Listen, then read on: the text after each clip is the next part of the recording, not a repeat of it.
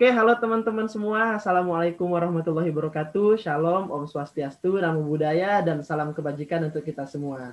Kembali lagi nih di Andalas Podcast, di podcast of Alsa Local Chapter Universitas Andalas. Oke, mumpung lagi masuk uh, di bulan Ramadan nih, mungkin aku dan juga keluarga besar Alsa Yasuna mengucapkan selamat menjalankan ibadah puasa 1442 Hijriah. Semoga dilancarkan dari awal puasa sampai nanti ke akhir puasa di Idul Fitri nanti. Amin.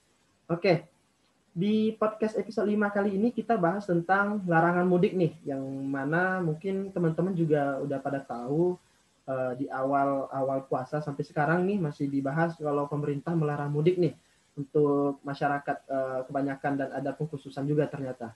Nah, mungkin dari pembahasan ini kita uh, selain aku dari PR public relation, aku juga kedatangan tamu nih Sebelumnya di episode 4 kita kedatangan uh, alumni relation.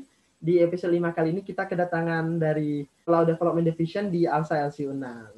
Kalau kemarin aku sama sharing di episode 4, sekarang ada tiga orang nih. Mungkin langsung aja kita perkenalan satu-satu kali ya. Uh, dimulai dari Bang Rafli dulu kali ini. Boleh Bang Rafli perkenalan. Halo Ali, sebelumnya terima kasih. Perkenalkan nama saya Muhammad Rafli uh, selaku manajer law development periode 2020-2021 untuk di Fakultas Hukum sendiri angkatan 2018. Terima kasih. Oke, ternyata kita kedatangan manajer law dev langsung nih teman-teman. Oke, lanjut kali ya kita ke next person nih. Halo Ale. Halo Rua. Halo, oke. Okay. Uh, perkenalkan uh, teman-teman pendengar podcast, nama aku Ruatul Raiza Wutska. Aku selaku Vice Manager of Law Development pada periode 2020-2021. Di Fakultas Hukum sendiri aku angkatan 2019. Gitu lah, gitu teman-teman. Halo Ale. Hai Lisna, apa kabar? Alhamdulillah baik. Ale gimana nih kabarnya? Alhamdulillah aku juga baik banget. Boleh nih Lisna perkenalan Oke, nih. Oke, sebelumnya terima kasih Halo teman-teman pendengar podcast Andalas Podcast. Perkenalkan, nama saya Lisna Dharma selaku Secretary Manager of Law Development. Uh, sekian, terima kasih. Oke, ternyata lengkap nih dari Laudev yang datang, manager, vice manager, dan sekretari manajernya langsung datang ke Andalas Podcast episode 5 kali ini guys. Oke, nah uh, mungkin aku basa-basi dulu ya. Per, uh, setelah perkenalan tadi, apa kabar nih teman-teman di awal puasa uh, Ramadan kali ini? Mungkin dari Bang Rafli kali? Gimana Alhamdulillah nih? puasanya lancar, luar biasa nih. Lancar ya, Alhamdulillah. Lancar dong. Masih, masih minggu pertama puasa ya, Insya Allah semoga lancar sampai akhir. Harus, harus. Harus banget. Urwa gimana nih, Wak? Alhamdulillah, Le. Walaupun Padang panas banget ya, Le. Jadi agak lemes juga yes, ngejalanin puasa. Tapi alhamdulillah Aduh. masih full sampai hari ini. Masih full sampai minggu pertama ya. iya. Semoga lancar juga sampai minggu terakhir. Amin ya rabbal alamin. Wisna gimana nih? Oke, amin. Alhamdulillah nih puasaku sampai sekarang masih lancar. Cuma gitu bangun paginya aja suka kesiangan. Jadi jarang ini ya, jarang Sahur dong berarti. Sahur cuma udah mepet-mepet gitu. ah gitu, udah mepet sama subuh ya, udah imsak malah. Iya. Oke nih, dari teman-teman kita ternyata puasanya juga lancar di awal-awal puasa. Semoga lancar juga teman-teman yang dengar puasanya kali ini. Oke, kali ini kita masuk ke tema langsung tentang larangan mudik nih. Uh, sebelumnya larangan ini udah diterapkan juga di tahun lalu. Uh, mungkin karena tahun lalu masih merebak banget ya karena awal-awal pandemi masih uh, hype-hype-nya di Indonesia. Uh, larangan mudik sudah uh, langsung dijatuhkan oleh pemerintah saat itu.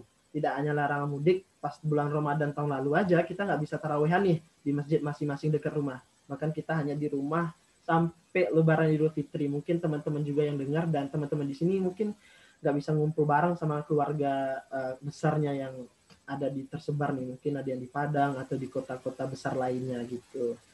Kita mungkin langsung aja nih tentang larangan mudik uh, Lebaran kali ini. Pemerintah sudah uh, memberikan aturan kalau bahwasannya untuk mudik tahun Ramadan tahun ini untuk 1442 Hijriah atau 2021 Masehi kali ini dilarang nih. Tapi uh, tidak dilarang dari awal, tapi ada pembatasan tanggalnya nih. Kalau di aturan pemerintah itu diatur uh, dari tanggal 6 sampai 17 Mei 2021 itu nggak boleh mudik nih teman-teman.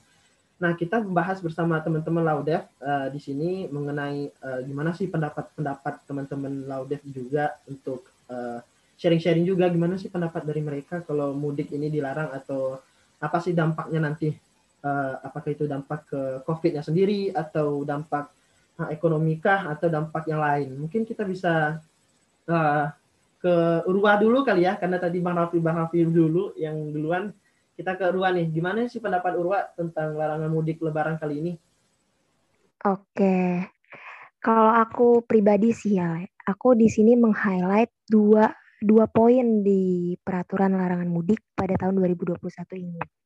Yang pertama itu adanya celah yang cukup besar dalam surat edaran nomor 13 tahun 2021 yang dikeluarkan Satgas Covid tentang peniadaan mudik, yang mana itu kan yang jadi sekarang jadi acuan untuk uh, pelarangan mudik kan. Nah, celahnya tuh apa sih? Celahnya itu terdapat pada huruf G tentang protokol peniadaan mudik, yang mana menyebutkan kalau perjalanan lintas kabupaten, kota, provinsi itu masih dapat dilakukan dengan menampilkan surat izin keluar masuk atau disingkatnya SIKM kan. Nah, surat izin keluar masuk ini kenapa jadi celah gitu? Karena cara dapatnya mudah, nggak sesusah kita PCR, nggak sesusah kita rapid test. Itu tuh cukup kalau untuk kita ASN, aparatur sipil negara, kita cukup minta ke pejabat terkait. Kalau kita uh, pegawai swasta, kita cukup minta ke pimpinan kita. Bahkan kalau kita adalah seorang pekerja di sektor informal, itu kita bisa minta ke kelurahan terdekat. Nah, dengan adanya dengan SIKM ini tuh dijadikan syarat untuk uh, perjalanan perjalanan lintas kabupaten kota provinsi ini, banyak masyarakat yang kemudian mengakali untuk pergi mudik dengan meminta SIKM tersebut dari instansi instansi terkait. Yang mana jadinya eh, nggak uh, efektif dong dilarang mudik tapi ada syarat nih boleh tapi pakai SIKM. Nah, itu poin yang pertama ya, adanya celah yang cukup besar di SE 13 2001. Nah, poin yang kedua yang aku highlight satu lagi ini adalah pencegahan penyebaran COVID-19 dengan larangan mudik ini, sebenarnya kalau kita lihat-lihat nih, Le, Bang, Lis, itu tuh terkesan menganggap COVID-19 ini tuh hanya sementara. Kenapa sementara? Karena selagi uh, mudik ini dilarang, sektor wisata tetap dibuka. Artinya perkumpulan-perkumpulan itu masih tetap ada kan, Le, Bang, Lis. Uh, masih tetap di situ tuh tingkat penyebarannya masih tetap tinggi gitu. Terus juga tempat-tempat nongkrong, kafe, mall itu kan beroperasi, tetap beroperasi. Bahkan tanpa memperhatikan protokol kesehatan. Terus juga yang terakhir itu ada ada statement dari Irjen Pol Istino, itu aku lihat di CNN barusan itu dia menyebutkan bahwa silahkan mudik sebelum tanggal 6 gitu. Uh, bahkan kami perlancar. Ada kan Ale mungkin lihat Ale uh, Bang Rafli Lisna. Nah, semua poin-poin ini, semua uh, semua alasan-alasan ini itu tuh menyebabkan uh, stigma masyarakat, menumbuhkan stigma masyarakat. Apakah COVID-19 ini hanya rawan menyebar pada tanggal 6 sampai 17 Mei? Kan enggak kan?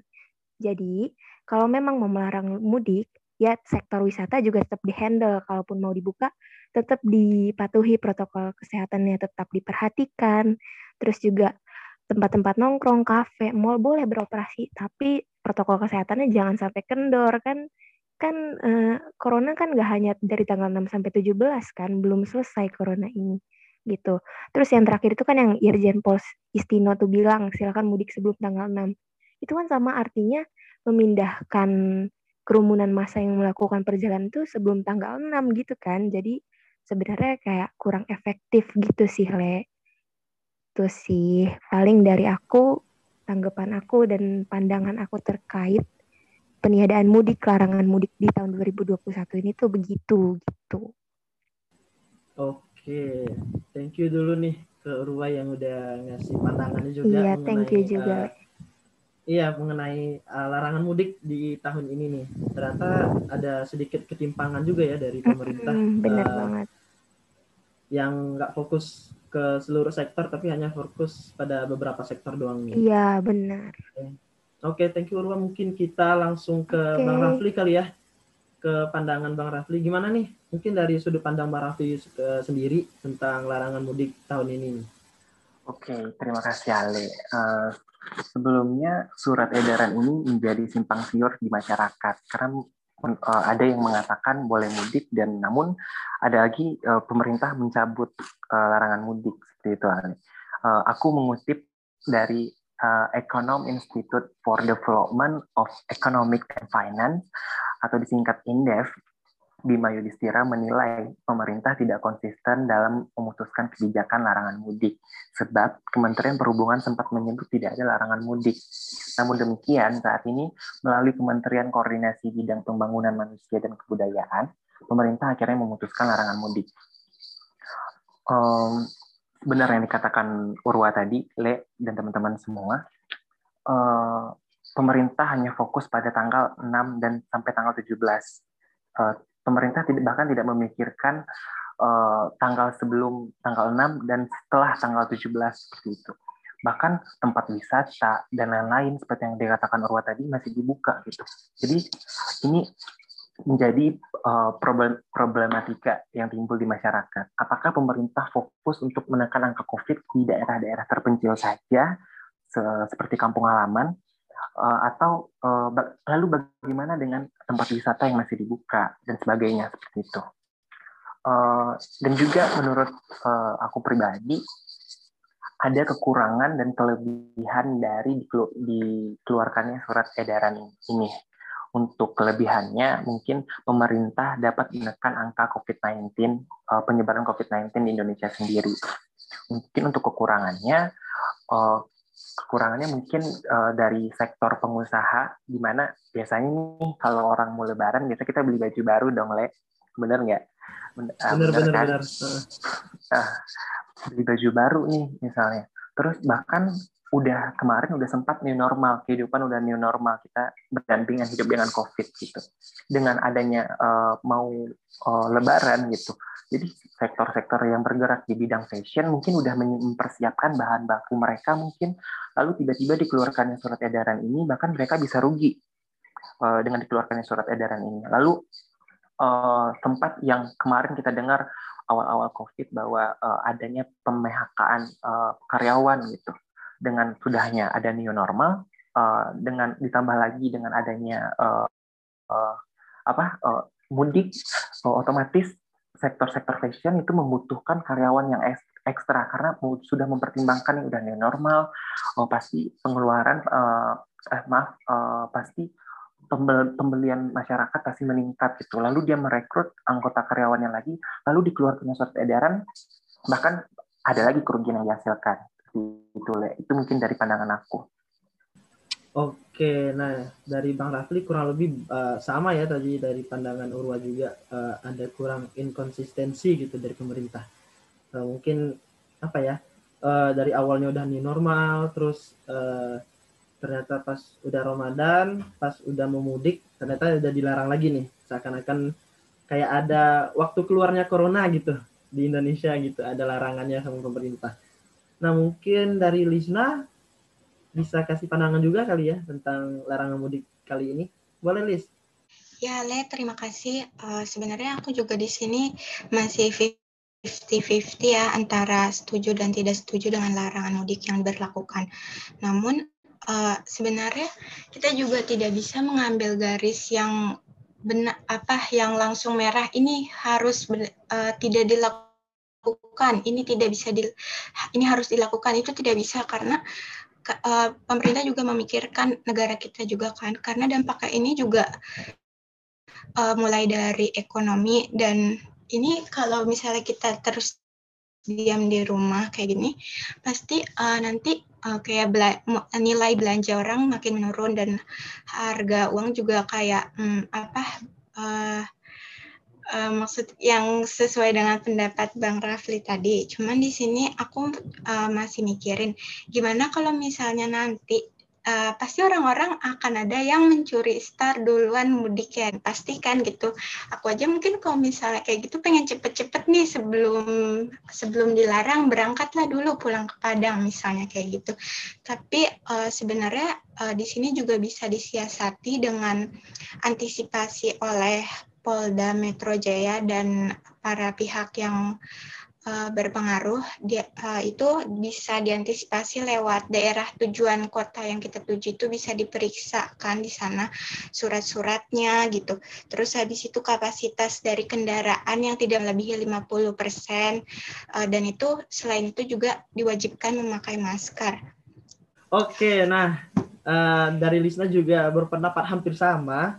Uh, tapi di sini yang aku bisa simpulin sedikit dari pendapat Lisna bahwasannya Lisna mungkin masih uh, ada pro dan kontra tentang pelarangan mudik ini uh, karena ada satu dan lain hal dan juga uh, ada pengaturan-pengaturan sebenarnya bisa di, uh, ditambahkan juga uh, dengan tanpa melarang mudik itu dengan adanya new normal tadi.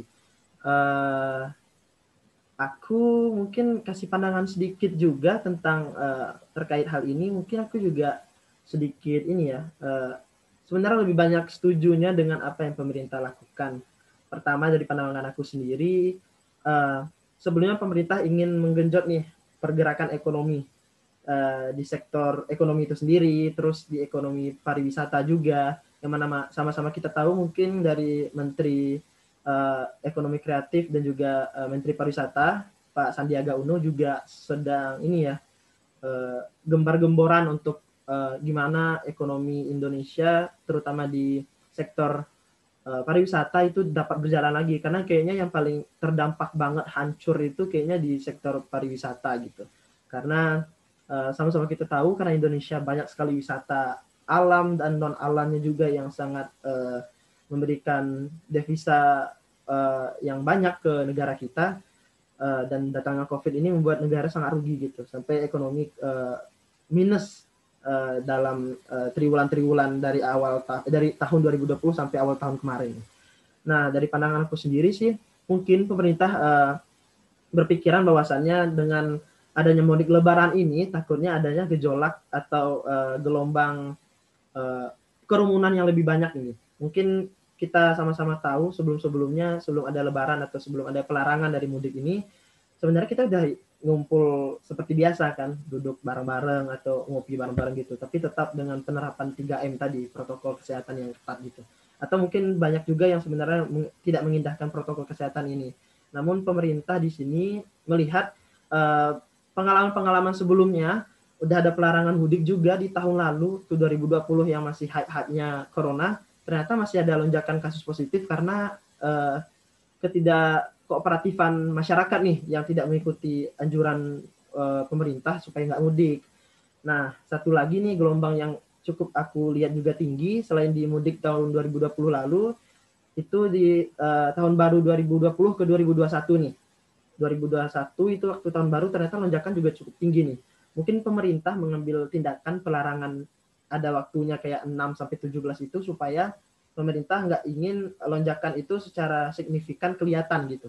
Ini pendapat aku sendiri ya. Jadi kayak uh, pemerintah meniadakan mudik supaya nanti saat uh, terjadinya mudik itu dekat ke Idul Fitri tidak ada lonjakan nih dari COVID-19 ini kasusnya. Karena kita tahu sama-sama pemerintah lagi pengen cepat-cepat menurunkan COVID dengan cara uh, menggencarkan vaksinasi nih. Karena dari vaksinasi sendiri pemerintah udah ini ya banyak vaksin uh, yang disuntikan ke nakes-nakes terus ke bahkan sampai ke uh, peserta olahraga atau kayak atlet-atlet Indonesia juga udah pada disuntik nih.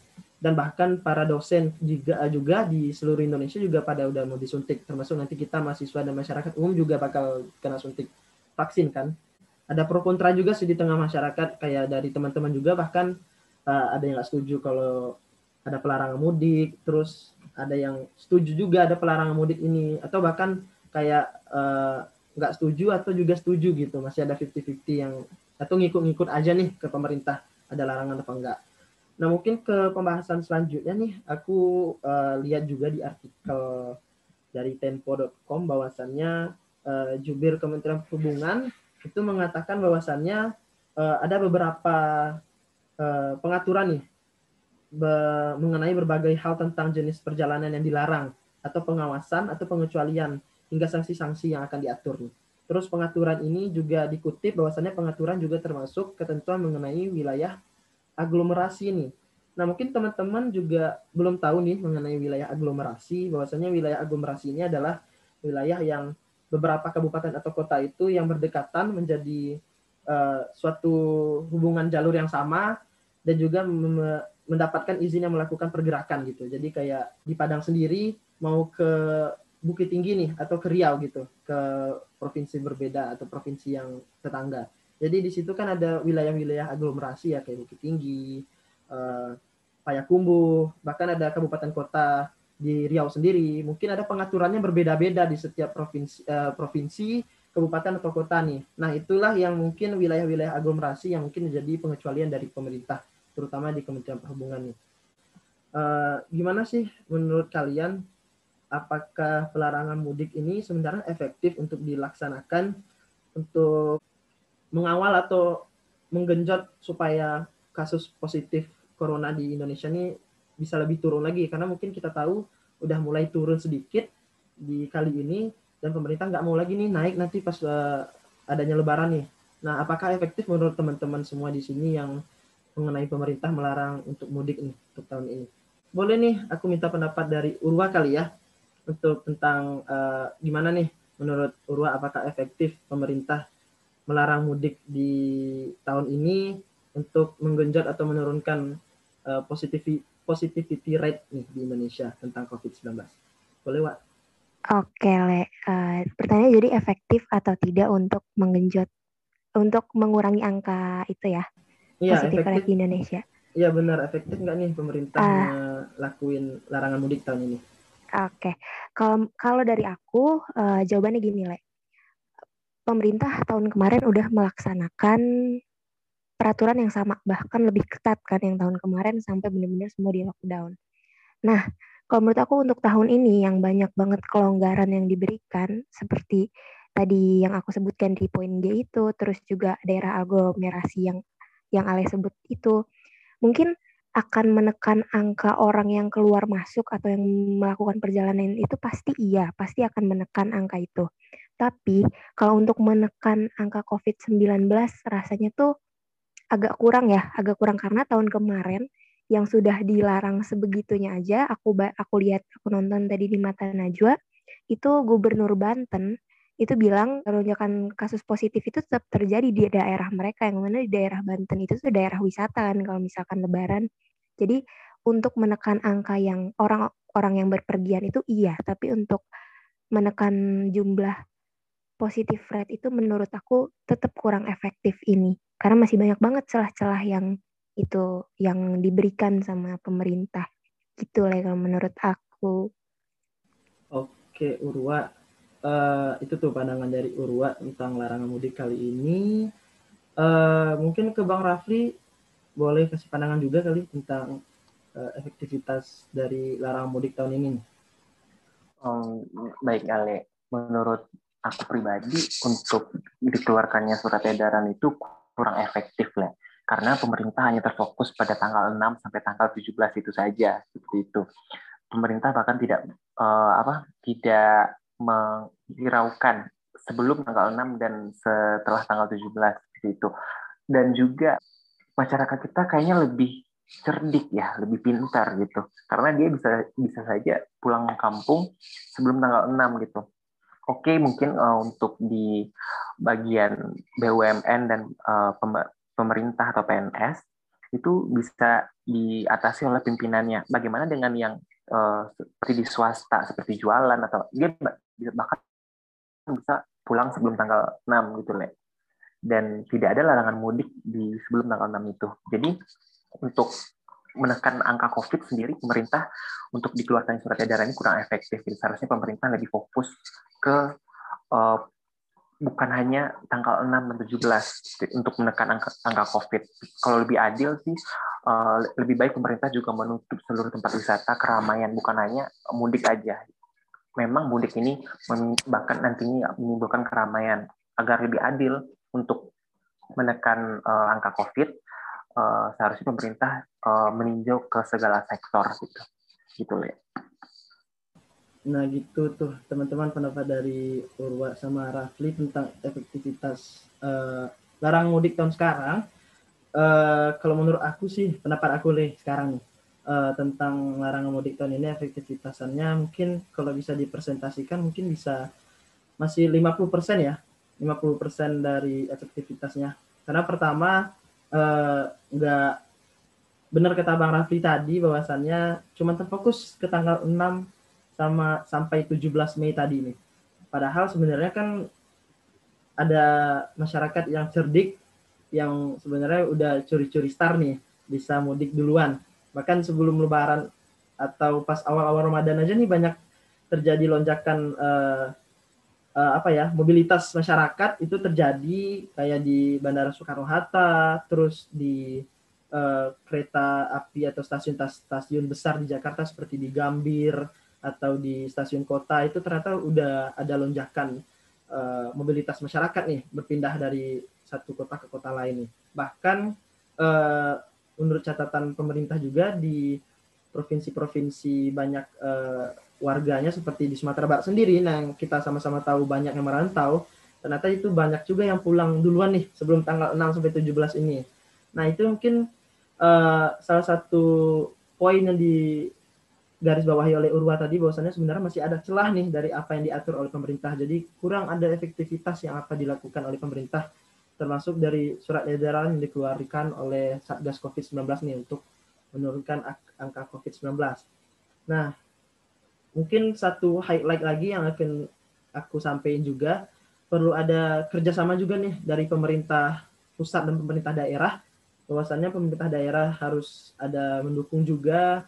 Mungkin karena pemerintah pusat yang mengeluarkan atau dalam hal ini Satgas COVID-19 yang mengeluarkan surat edaran, uh, mungkin pemerintah bisa memberikan uh, support seperti ikut serta menggebar-geborkan bahwasannya dilarang mudik atau bahkan menutup uh, perbatasan-perbatasan mereka dengan tetangga-tetangga yang mungkin banyak akan melewati jalur-jalur atau banyak yang akan masuk seperti di Sumatera Barat sendiri itu provinsi akan uh, ada wacana untuk menutup perbatasan-perbatasan dengan provinsi tangga. Namun ini masih menunggu dengan surat keputusan dari Menteri Perhubungan nih. Karena nggak salah-salah juga ditutup, perlu ada tinjak lanjut juga dari pemerintah daerah sama kementerian dan juga pihak-pihak terkait juga nih. Nah terakhir mungkin sebagai uh, penutup juga dari Andalas Podcast episode 5 ini, kita kasih uh, sedikit pandangan lagi mengenai uh, bagaimana sih menurut teman-teman yang harusnya dilakukan pemerintah? Apakah eh, larangan mudik ini harus ada atau nggak ada aja atau diganti dengan apa nih? Mungkin teman-teman bisa berpendapat juga di sini. Eh, kali ini mungkin aku suruh Bang Rafli duluan kali ya. Bang Rafli boleh. Baik, Uh, sebenarnya kita tidak bisa menyalahkan pemerintah 100%. Karena kesalahan itu bisa jadi dari masyarakat sendiri pemerintah udah gembar-gembor uh, menyuarakan yang 3M, memakai masker, menjaga jarak, dan mencuci tangan. Namun pada saat sekarang ini bahkan masyarakat tidak menghiraukan itu lagi gitu. Pada masyarakat yang tidak memakai masker gitu. Jadi pemerintah pun juga tidak bisa uh, gimana ya, mem dia memimpin berjuta-juta umat gitu, berjuta-juta masyarakat yang kadang masyarakat tidak peduli gitu dengan aturan yang sudah dikeluarkan gitu. Uh, namun seharusnya uh, alangkah lebih pemerintah lebih uh, apa mengeluarkan peraturan-peraturan yang tegas itu uh, dari segi aturannya dan dari segi sanksinya sehingga masyarakat dapat ter terakomodir oleh peraturan itu. Karena sejatinya bahwa hukum hukum itu dibuat untuk mengatur masyarakat. Benar kan? Jadi seharusnya pemerintah harus lebih uh, memperkuat di aturannya lagi seperti itu agar uh, eh, COVID-19 itu angkanya semakin turun. Oke, thank you nih Bang Rafli. Uh, selanjutnya nih aku kasih ke Lisna. Lisna gimana nih menurut Lisna pandangan tentang apa sih yang perlu dilakukan pemerintah harusnya gitu? Atau setuju nggak dengan adanya larangan mudik ini gitu? Terima kasih. Uh, sebenarnya di sini saya sangat setuju dengan langkah pemerintah yang melarang bahwa uh, mudik tahun ini tidak boleh dilakukan. Sebenarnya kan pemerintah itu uh, melarang larangan mudik, memberlakukan larangan mudik ini kan bukan tanpa alasan ya, Le. Tapi telah melalui proses pembahasan yang panjang, uh, akhirnya pemerintah memberlakukanlah kebijakan larangan mudik Lebaran tahun ini. Walaupun wajar jika kita dan orang-orang lain yang pastinya ingin berlebaran dan berkumpul bersama keluarga di kampung halaman. Tapi keputusan ini tetap diambil karena mempertimbangkan pengalaman yang sebelumnya di mana setiap libur panjang kasus COVID-19 pasti akan bertambah.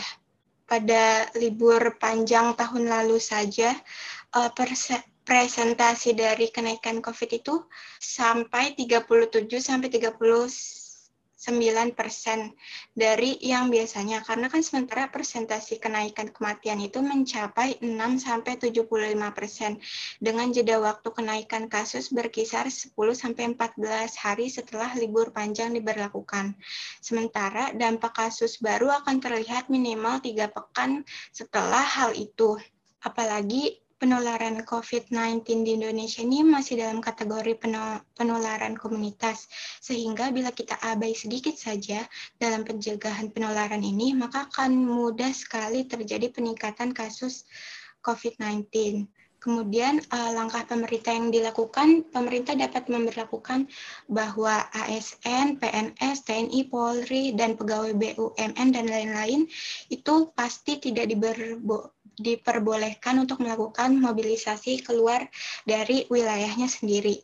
Upaya pencegahan ini juga akan diupayakan semaksimal mungkin agar tidak bertambahnya uh, kasus penularan COVID-19 ini.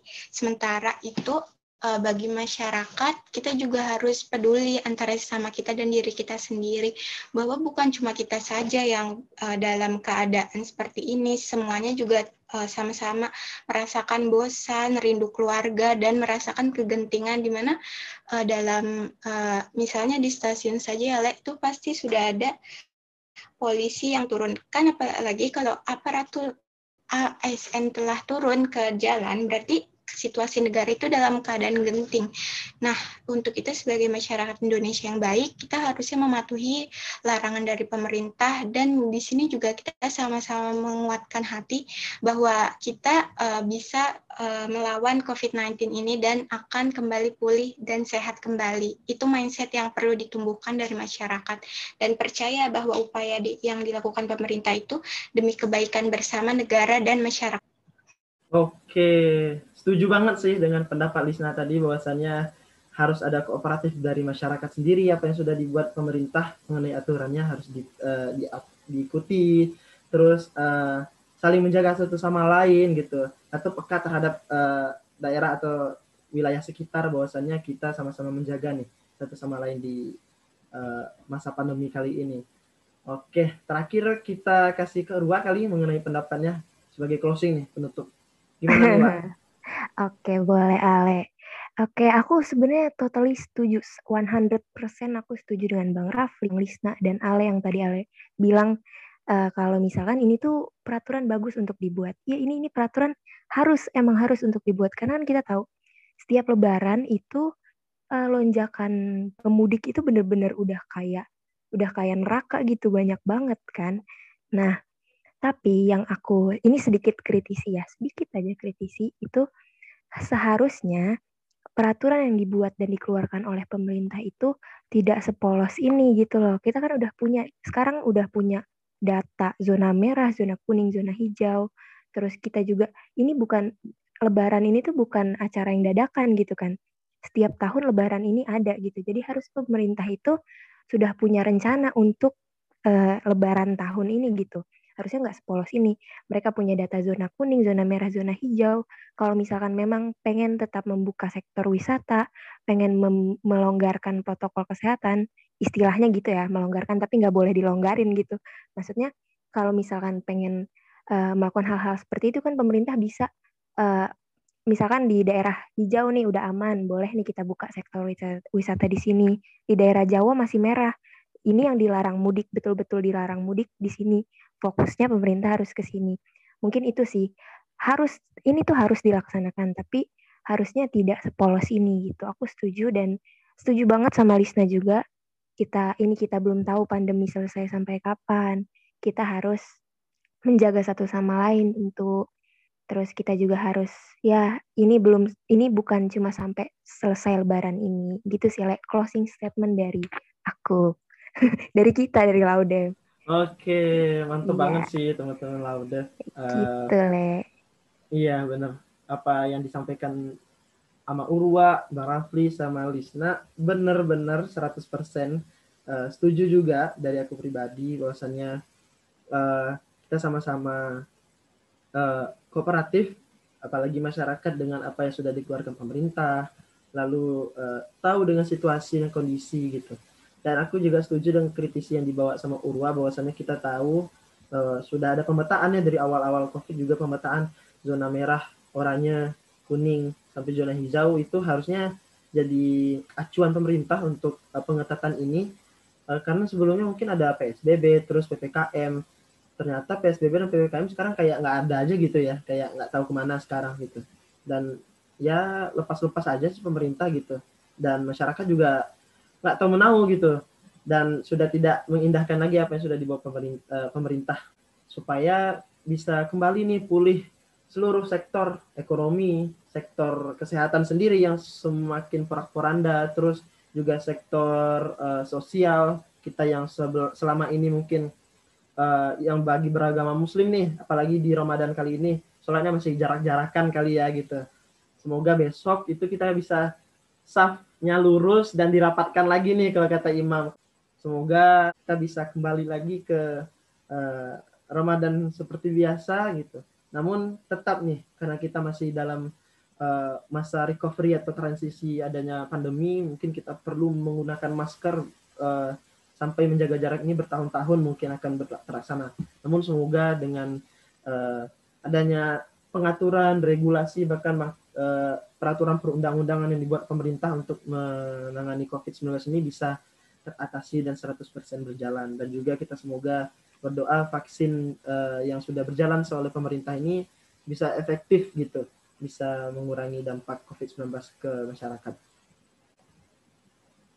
Oke, nah itu tuh akhir dari pembicaraan dan juga pembahasan dari Andalas Podcast episode 5 tentang polemik larangan mudik di tahun 2021 ini. Kita uh, juga berterima kasih banget nih kepada teman-teman Law Development yang juga udah uh, gabung ke podcast kita dan juga berbagi pikiran, berbagi solusi juga dan berbagi uh, pandangan mereka bagaimana tentang pandangan mereka tentang larangan mudik di tahun 2021 ini.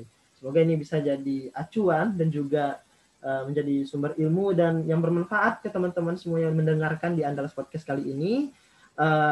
Semoga kita bisa bertemu lagi di next episode.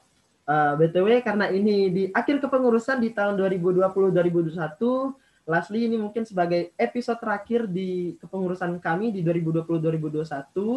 Uh, semoga kita bisa bertemu lagi di lain kesempatan di uh, Andalas Podcast yang lain.